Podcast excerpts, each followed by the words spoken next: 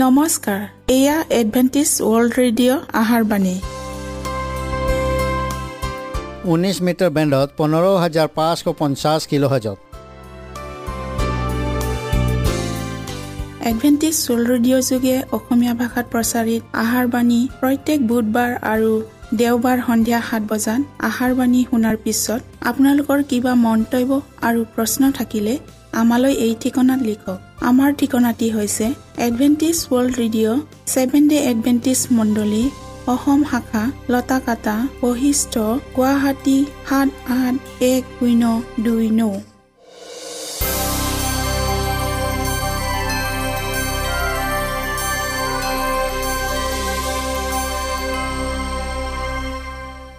প্ৰিয় শ্ৰোতা বন্ধুসকল এতিয়া শুনো আহক এটি খ্ৰীষ্টীয় ধৰ্মীয় গীত।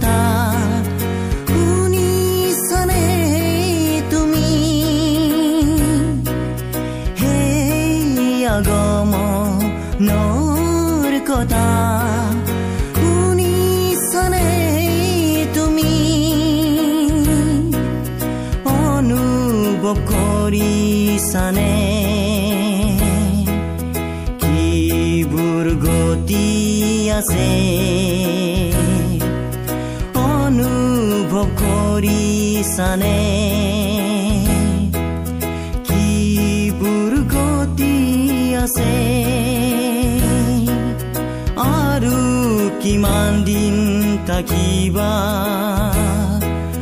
হুয়ে পৃথিৱী আৰু কিমান দিন থাকিবা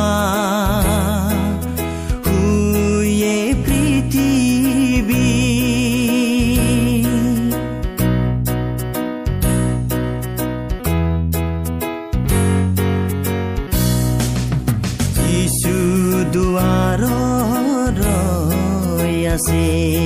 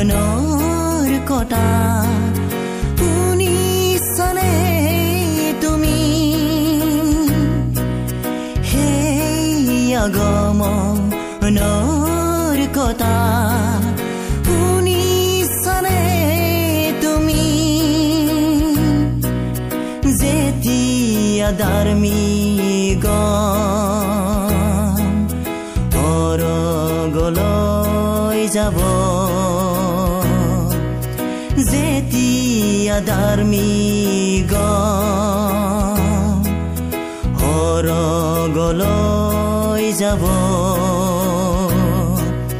তেতিয়া তোমাৰ কি হ'ব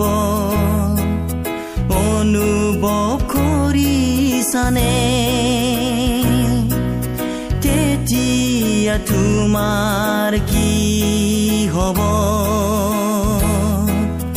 অনুভৱ কৰিছানে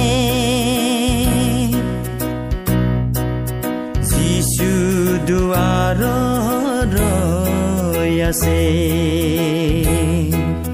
হয় তেওঁ ৰৈ আছে। যিচু দুৱাৰত ৰৈ আছে। হয় তেওঁ ৰৈ আছে। তোমাক গ্ৰহণ কৰিব।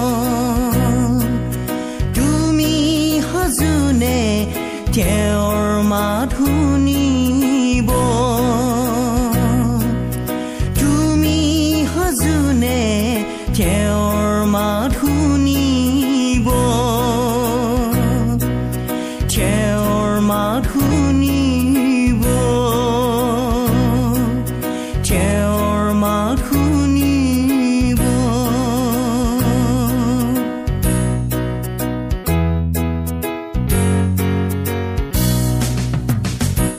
প্ৰিয় শ্ৰোতা বন্ধুসকল আহক আমি খন্তেক সময় বাইবেল অধ্যয়ন কৰোঁ হওক।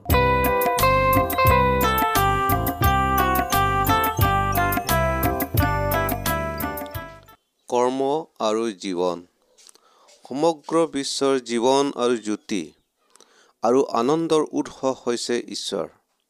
তেওঁৰ স্বৰ্গীয় আশীৰ্বাদ সূৰ্যৰ পোহৰৰ ৰেঙনিৰ দৰে আৰু ভুমুকৰ পৰা উঠলি পৰা নিজৰাৰ পানীৰ দৰে প্ৰৱাহিত হৈ তেওঁৰ সৃষ্টি আটাই প্ৰাণীলৈ প্লাৱিত হয়।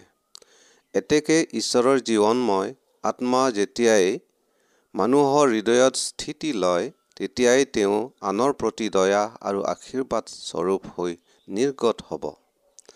পতিত মানৱক তুলি উদ্ধাৰ কৰাটোৱেই আমাৰ ত্ৰাণকৰ্তাৰ জনাৰ আনন্দ। কিয়নো ইয়াৰ কাৰণে নিজৰ জীৱনকো তুচ্ছ জ্ঞান কৰি অনেক লাজ অপমান যন্ত্ৰণা আদি ক্ৰুচলৈকে সহন কৰিলে। খ্ৰীষ্টৰ প্ৰেমে হৃদয়ত যেতিয়া মধুৰ সুবাসেৰে পৰিপূৰ্ণ হয় ই তেতিয়া গুপ্ত হৈ থাকিব নোৱাৰে। বৰং আমি ইয়াৰ সান্নিধানলৈ অহা প্ৰত্যেকজন ব্যক্তিয়ে ইয়াৰ পবিত্ৰ সৌৰত ঘ্ৰাণ কৰি এক ঐশ্বৰিক প্ৰভাৱ অনুভৱ কৰিম। হৃদয়ত বাস কৰা খ্ৰীষ্টৰ আত্মা মৰুভূমিত পানীৰ নিজৰা বৈ যোৱা স্বৰূপ। যিবিলাকে সেই পানী পাণ কৰিব খোজে তেওঁবিলাকে পাণ কৰি তৃপ্ত হ'ব আৰু তৃষাতুৰ হৈ মৃত্যুমুখী হোৱা তেনে লোককো পুনৰ সজীৱ কৰি তুলিব পাৰে। যীশুৰ দৰে মানুহৰ হিতৰ কাৰণে কৰ্ম কৰিবলৈ বাঞ্ছা কৰা প্ৰত্যেকজন ব্যক্তিয়েই নিজ নিজ কাৰ্য যোগেদি তেওঁৰ প্ৰতি প্ৰেম প্ৰকাশ কৰিব। যীশুৰ জাগতিক পৰিচৰ্যা আৰু কালচোৱাত তেওঁৰ জীৱন সুথৰ বা আত্মপ্ৰশংসিত নাছিল। বৰং হেৰুৱা মানৱ জাতিৰ মুক্তিৰ অৰ্থে অক্লান্ত একাগ্ৰতা আৰু নিৰ্বিচ্ছিন্নভাৱে পৰিশ্ৰম কৰিছিল। তেওঁ গৰু গোহালিৰ দানা পাত্ৰৰ পৰা গলগথা পাহাৰলৈ গোটেই জীৱন ত্যাগ স্বীকাৰ কৰি নিস্বাৰ্থ পৰিচৰ্যাৰে এক কণ্টকময় পথেৰে গতি কৰিছিল। তেওঁ মানৱ জাতিৰ অসহায় আৰু নিঃস্ব অৱস্থা দেখি কৈছিল কিন্তু যিদৰে মানুহৰ পুত্ৰই সেৱা শুশ্ৰূষা পাবলৈ নহয় সেৱা শুশ্ৰূষা কৰিবলৈ আৰু অনেকৰ মুক্তিৰ মূল্যৰ অৰ্থে নিজৰ প্ৰাণ দিবলৈহে আহিছিল। মুঠি বিছ অধ্যায় ছাব্বিছ পদ। এয়াই তেওঁৰ জীৱনৰ মুখ্য উদ্দেশ্য আছিল স্বাৰ্থ আৰু স্বাৰ্থপৰতাৰ তেওঁৰ কাৰ্য পৰিপন্থী আছিল। যিসকল ব্যক্তি খ্ৰীষ্টৰ অনুগ্ৰহৰ সহভাগী হ'ল তেওঁবিলাকেও নিস্বাৰ্থভাৱে এই স্বৰ্গীয় বৰ আনৰ সৈতে সমভাগী হ'ব লাগে। কাৰণ তেওঁবিলাকৰ নিমিত্তেই যীশুৱে নিজৰ প্ৰাণ আহুতি দিলে। আমি যেতিয়া খ্ৰীষ্টৰ ধাৰ্মিকতাৰ সাজ পিন্ধি আৰু আমাৰ হৃদয়ত বাস কৰা পবিত্ৰ আত্মাৰ আনন্দেৰে পৰিপূৰ্ণ হৈছোঁ তেন্তে সেই বিমল স্বৰ্গীয় আনন্দ আবদ্ধ কৰি ৰাখিব নোৱাৰোঁ। এতিয়া প্ৰভুৰ যি মহিমা দেখিলোঁ ইয়াৰ আশ্বাদ পালোঁ আনৰ আগত প্ৰকাশ কৰিবই লাগিব। যিদৰে ফিলিপে প্ৰভুক লগ পাওঁতে আন লোককো তেওঁৰ ওচৰলৈ আনিলে আমিও তেনে লোকবিলাকক খ্ৰীষ্টলৈ আৰু নতুন পৃথিৱীৰ অদৃশ্য বাস্তৱলৈ আকৰ্ষিত কৰিব পাৰোঁ। কিয়নো আজি আমাৰ চাৰিওফালে অনেক লোকে আত্মিক ভোক আৰু পিয়াহ নিবাৰণৰ অনুসন্ধান কৰি আন্ধাৰত খেপিয়াই ফুৰিছে। তেনে লোকবিলাকেও জগতৰ পাপ নিওঁতা ঈশ্বৰৰ মেৰ পোৱালীক জোহন এক অধ্যায় ঊনত্ৰিছ পদ যেন দেখা পায়। ঈশ্বৰে তেওঁৰ শুভবাণী প্ৰচাৰৰ আৰু প্ৰেমৰ আটাই পৰিচৰ্যা কাৰ্য স্বৰ্গীয় দূতবিলাকক সঁপি দিব পাৰিলেহেঁতেন। নাইবা এই একে উদ্দেশ্যৰ বাবে আন ব্যৱস্থা কৰিব পাৰিলেহেঁতেন। কিন্তু ঈশ্বৰে তেওঁৰ অসীম প্ৰেমৰ কাৰণে আমাক খ্ৰীষ্ট আৰু স্বৰ্গদূতৰ সৈতে তেওঁৰ সহকৰ্মী হৈ নিস্বাৰ্থ পৰিচৰ্যাৰ দ্বাৰাই আত্মিক বৰ শক্তি আনন্দ আদি সৎগুণবোৰকেই আনৰ সৈতে সমভাগী হ'বলৈ মনোনীত কৰিলে।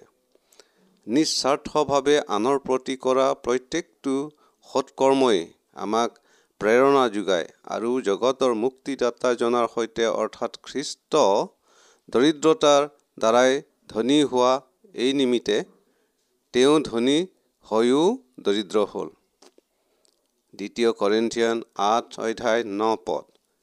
কেৱল এই একেই উদ্দেশ্যৰ অৰ্থে আমি আমাৰ এইখন ধৰাতেই জীৱনত আশীৰ্বাদ প্ৰাপ্ত হ'বলৈ এনে ঐশ্বৰিক উদ্দেশ্য সফল কৰিব পাৰিম। ঈশ্বৰীয় কাৰ্যত এলাহ নাইবা স্বাৰ্থপৰতাৰ কোনো স্থান নাই। যিহেতু খ্ৰীষ্টৰ অনুগ্ৰহৰ দ্বাৰাই তেওঁৰ কাৰ্যত অগ্ৰসৰ হৈ যাব পাৰি। ইয়াক সিদ্ধ কৰিবলৈ পথ মাত্ৰ এটাই। সেয়া খ্ৰীষ্টই আমাৰ ওপৰত দায়িত্ব আৰোপ কৰা আমাৰ প্ৰতি কল্যাণমূলক কাৰ্য সাধন প্ৰয়োজন অনুসাৰে সাহাৰ্য প্ৰদান ইত্যাদি কাৰ্যত নিস্বাৰ্থভাৱে ব্ৰত হোৱা। যি মানুহে নিজৰ হাত ভৰি লৰচৰ কৰি থাকিব নোখোজে তেনে মানুহৰ কৰ্ম শক্তি সোনকালে হ্ৰাস পায়।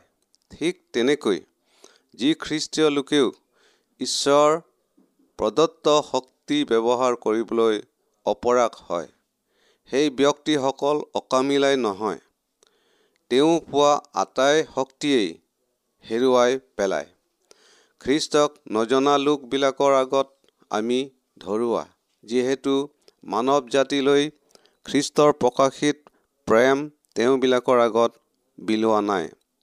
সেই প্ৰেম কেৱল আমাৰ নিমিত্তে নহয় আনৰ আগত প্ৰকাশ কৰিবলৈ দিয়া হৈছে।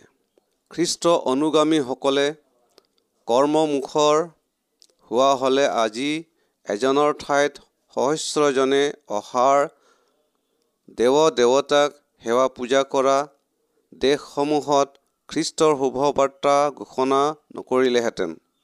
আৰু যিসকলে ব্যক্তিগতভাৱে এই কাৰ্যত নিজকে জড়িত কৰিব নোৱাৰে তেওঁবিলাকেও আন উপায়েৰে সহানুভূতিৰে বা প্ৰাৰ্থনাৰে সহায় সহযোগ আগবঢ়াব পাৰিলেহেঁতেন। জগতৰ অধিকাংশ খ্ৰীষ্টিয়ান দেশসমূহেও পাপময় অন্ধকাৰত হেৰুৱাই যোৱা আত্মাৰ ৰক্ষাৰ্থে অধিক যত্নপৰ হৈ উঠিলহেঁতেন। প্ৰয়োজনবোধে আমি যদি পৰজাতিৰ অৰ্থাৎ সত্য ঈশ্বৰক নজনা লোকৰ দেশলৈ খ্ৰীষ্টৰ শুভবাৰ্তা ঘোষণাৰ বাবে যাবই লাগে সেয়া অন্য প্ৰসংগ। কিন্তু ঈশ্বৰৰ সাক্ষ্য নিজ ঘৰ পৰিয়ালত মণ্ডলীত আমি যিসকলক লগ লওঁ আৰু যিবিলাকৰ সৈতে ব্যৱসায় সম্বন্ধ আদি ৰাখোঁ তেনে লোকবিলাকৰ আগতো সাক্ষ্য প্ৰদান কৰিব পাৰোঁ। জগতক আমাৰ ত্ৰাণকৰ্তা যীশুৰ জীৱন অধিককাল ধৈৰ্য সহকাৰে নাচৰতৰ কাঠমিস্ত্ৰী কৰ্মশালাত কাম কৰি সময় অতিবাহিত কৰিছিল। নিশ অচিনাকি শ্ৰমিক আৰু খেতিয়ক লোকবিলাকৰ লগত কথোপকথন আহ বাহ কৰি সম্বন্ধ ৰাখোঁতেই জীৱনদায়ক প্ৰভুৰ পৰিচৰ্যা কৰি নিশ অচিনাকি শ্ৰমিক আৰু খেতিয়ক লোকবিলাকৰ লগত কথোপকথন আহ বাহ কৰি সম্বন্ধ ৰাখোঁতেই জীৱনদায়ক প্ৰভুৰ পৰিচৰ্যাকাৰী স্বৰ্গদূত তেওঁৰ কাষত উপস্থিত আছিল। তেওঁ নিজৰ ক্ষুদ্ৰ ব্যৱসায়ত ব্যস্ত থাকিও নানা প্ৰকাৰৰ ৰোগীক সুস্থ কৰি আনকি গালিল সাগৰৰ ঢৌৰ ওপৰেদি খোজকাঢ়ি নিজৰ কাৰ্য বিশ্বস্ত নিজকে নম্ৰ আৰু শান্ত কৰি তেওঁৰে সৈতে কাৰ্য কৰি যাওঁ হওক। পাচনি পৌলে খ্ৰীষ্ট গ্ৰহণ কৰা প্ৰত্যেকজন লোকক এইদৰে কৈছে প্ৰতিজন যি অৱস্থাত আমন্ত্ৰিত হ'ল তেওঁ সেই অৱস্থাতেই ঈশ্বৰৰ সৈতে থাকক। প্ৰথম কৰিন্থিয়ান সাত অধ্যায় চৌবিছ পদ। ব্যৱসায়ীজনে তেওঁৰ ব্যৱসায় কৰ্মৰ যোগেদিয়েই বিশ্বস্ততাৰে প্ৰভুৰ গৌৰৱ প্ৰকাশ কৰি যাব পাৰে। যদি তেওঁ খ্ৰীষ্টৰ প্ৰকৃত অনুগামী হয় তেতিয়াহ'লে মানুহলৈ প্ৰকাশিত হোৱা খ্ৰীষ্টৰ যি পোহৰ তাক নিশ্চয় আনৰ আগত প্ৰকাশ কৰিব। গালিলৰ পৰ্বতীয় অঞ্চলত যিজনে নম্ৰতাৰে আনৰ প্ৰতি নিস্বাৰ্থ পৰিচৰ্যা আগবঢ়াইছিল কলা কৌশলী বিদ্যা জনা লোক এজনেও একাগ্ৰতা আৰু বিশ্বাসতাৰে তেওঁৰ প্ৰেমৰ কৰ্মৰ সাক্ষ্য আনৰ আগত প্ৰদান কৰিব পাৰে। খ্ৰীষ্ট বিশ্বাসী প্ৰত্যেকজনেই এনে সৎকৰ্ম কৰা উচিত যে সেই কৰ্ম আনলৈ সুঘ্ৰাণ স্বৰূপ হৈ ঈশ্বৰক তেওঁবিলাকেও তেওঁবিলাকৰ সৃষ্টিকৰ্তা আৰু উদ্ধাৰকৰ্তা বুলি স্বীকাৰ কৰি ঈশ্বৰৰ গৌৰৱ কৰিব পাৰে। আজি অনেকে নিজ জ্ঞান বল বুদ্ধি খ্ৰীষ্টৰ পৰিচৰ্যাত ব্যৱহাৰ নকৰি আঁতৰি থকা নানা অজুহাত দেখুৱাই কয় সমাজৰ যিবিলাক প্ৰতিভা সম্পন্ন এক বিশেষ শ্ৰেণীৰ লোকেহে ঈশ্বৰৰ কাৰ্য কৰিব পাৰে। কিন্তু শাস্ত্ৰৰ দৃষ্টান্তবোৰত পোৱা যায় যে ঘৰৰ গৃহস্থই তেওঁৰ আটাই দাহবিলাকক মাতি সিবিলাকৰ প্ৰত্যেকজনকে নিজৰ শক্তি আৰু সামৰ্থ্য অনুসাৰে কাম কৰিবলৈ আদেশ দিলে। প্ৰভুৰ পৰা প্ৰতিদান পাবলৈ কলচীয়া তিনি অধ্যায় তেইছ পদ চাওক। গতিকে ক্ষান্ত আৰু নম্ৰ মনেৰে তেওঁৰ পৰিচৰ্যা কৰি যাওঁ হওক। ঈশ্বৰৰ কাৰ্য কৰিবলৈ কোনো অলৌকিক শক্তি পাবলৈ বা তেনেধৰণৰ অসম্ভৱ। অপ্ৰাকৃতিক ক্ষমতাপ্ৰাপ্ত হ'বলৈ অপেক্ষা কৰিব নালাগে। যিবোৰ প্ৰজাতিবিলাকে বিচাৰে বা জগতৰ মানুহে আপোনাক কেনেধৰণৰ প্ৰাধান্য দিছে তালৈ লক্ষ্য কৰিব নালাগে। বৰং আপোনাৰ পবিত্ৰ জীৱন ক্ষান্ত স্বভাৱ বিশ্বস্ততা দৈনিক সাক্ষ্য আদিয়েই প্ৰভুৰ পৰিচৰ্যা আৰু এই সৎ কৰ্মবোৰেই অনেকক তেওঁলৈ আকৰ্ষিত কৰিব। যীশুৰ শান্ত আৰু নম্ৰ অনুগামীবিলাকেহে আনৰ প্ৰতি আশীৰ্বাদ স্বৰূপে হ'ব পাৰিব। তেওঁবিলাকে নিজৰ নিজৰ সামৰ্থ্য অনুসাৰে পোৱা গাগৰিৰ ধন বৃদ্ধি কৰিবলৈ কৰ্তব্যত নিস্বাৰ্থভাৱে শ্ৰম কৰি যাব ফললৈ আশা নকৰিব। এনে লোকৰ আত্মাই খ্ৰীষ্টৰ প্ৰতিজ্ঞাৰ ওপৰত ভিত্তি কৰি আন একোকে নিবিচাৰিব।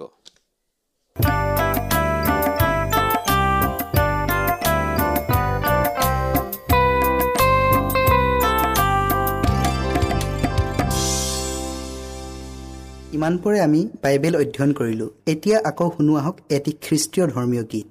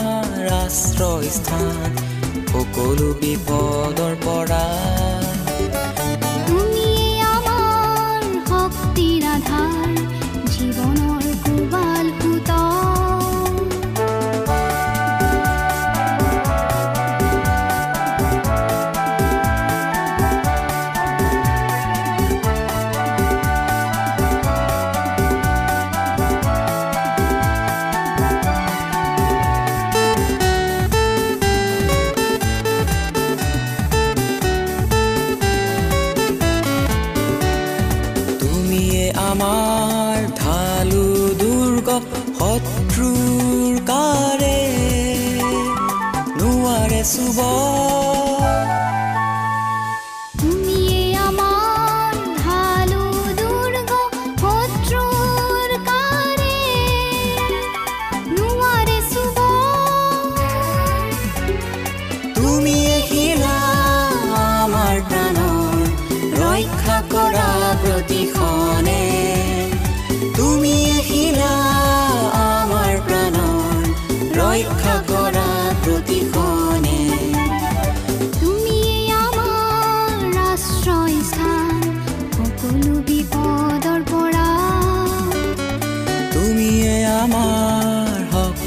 আধাৰ জীৱনৰ কোবাল সুত ৰক্ষা কৰোতা তুমি একমাত্ৰ ঈশ্বৰ আমাৰ। ৰক্ষা কৰোতা তুমিয়ে একমাত্ৰ ঈশ্বৰ আমাৰ। তুমিয়ে আমাৰ ৰাষ্ট্ৰ স্থান সকলো বিপদৰ পৰা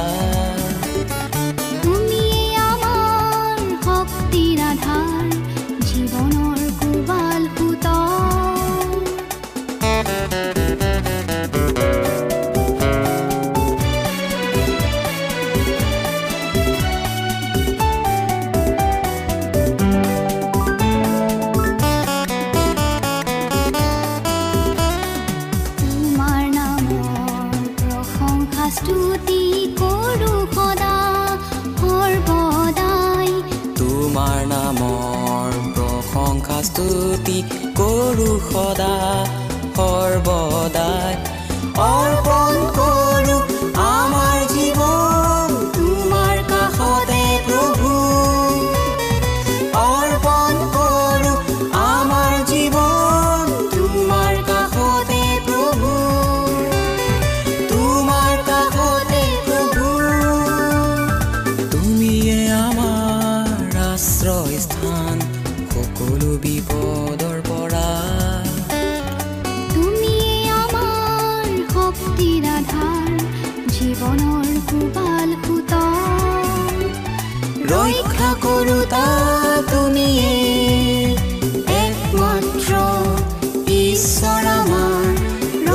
কৰোতা তুমিয়ে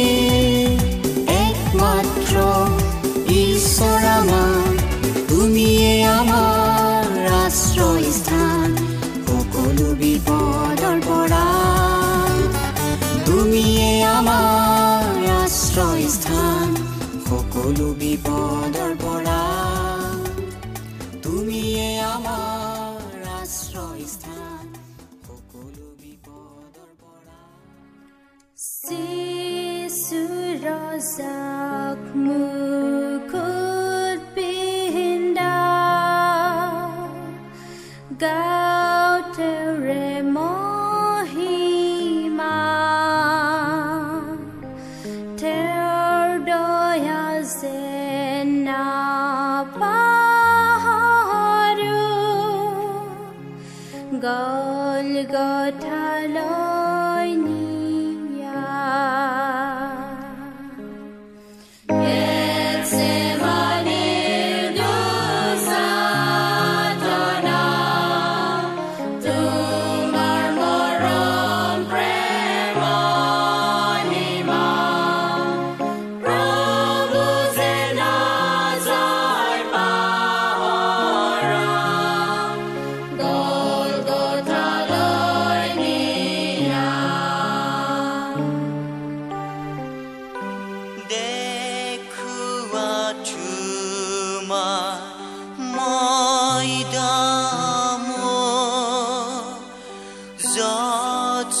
love.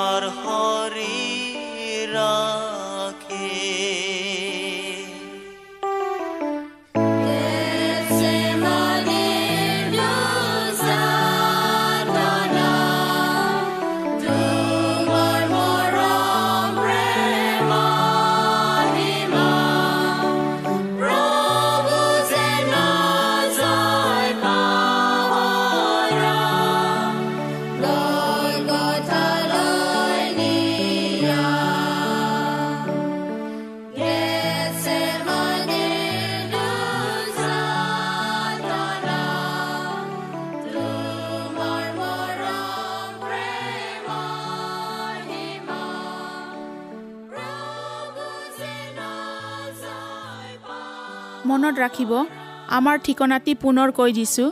Adventist World Radio' Assam region of seven day Adventist Voice of Hope Latakata Basistha Guwahati seven eight one zero' two nine প্ৰিয় শ্ৰোতা বন্ধুসকল এডভেণ্টিজ ৱৰ্ল্ড ৰেডিঅ' যোগে আহাৰবাণী প্ৰচাৰত আপোনালোকক পুনৰ লগ পোৱাৰ আহাৰে আজিলৈ সামৰিলোঁ। ধন্যবাদ।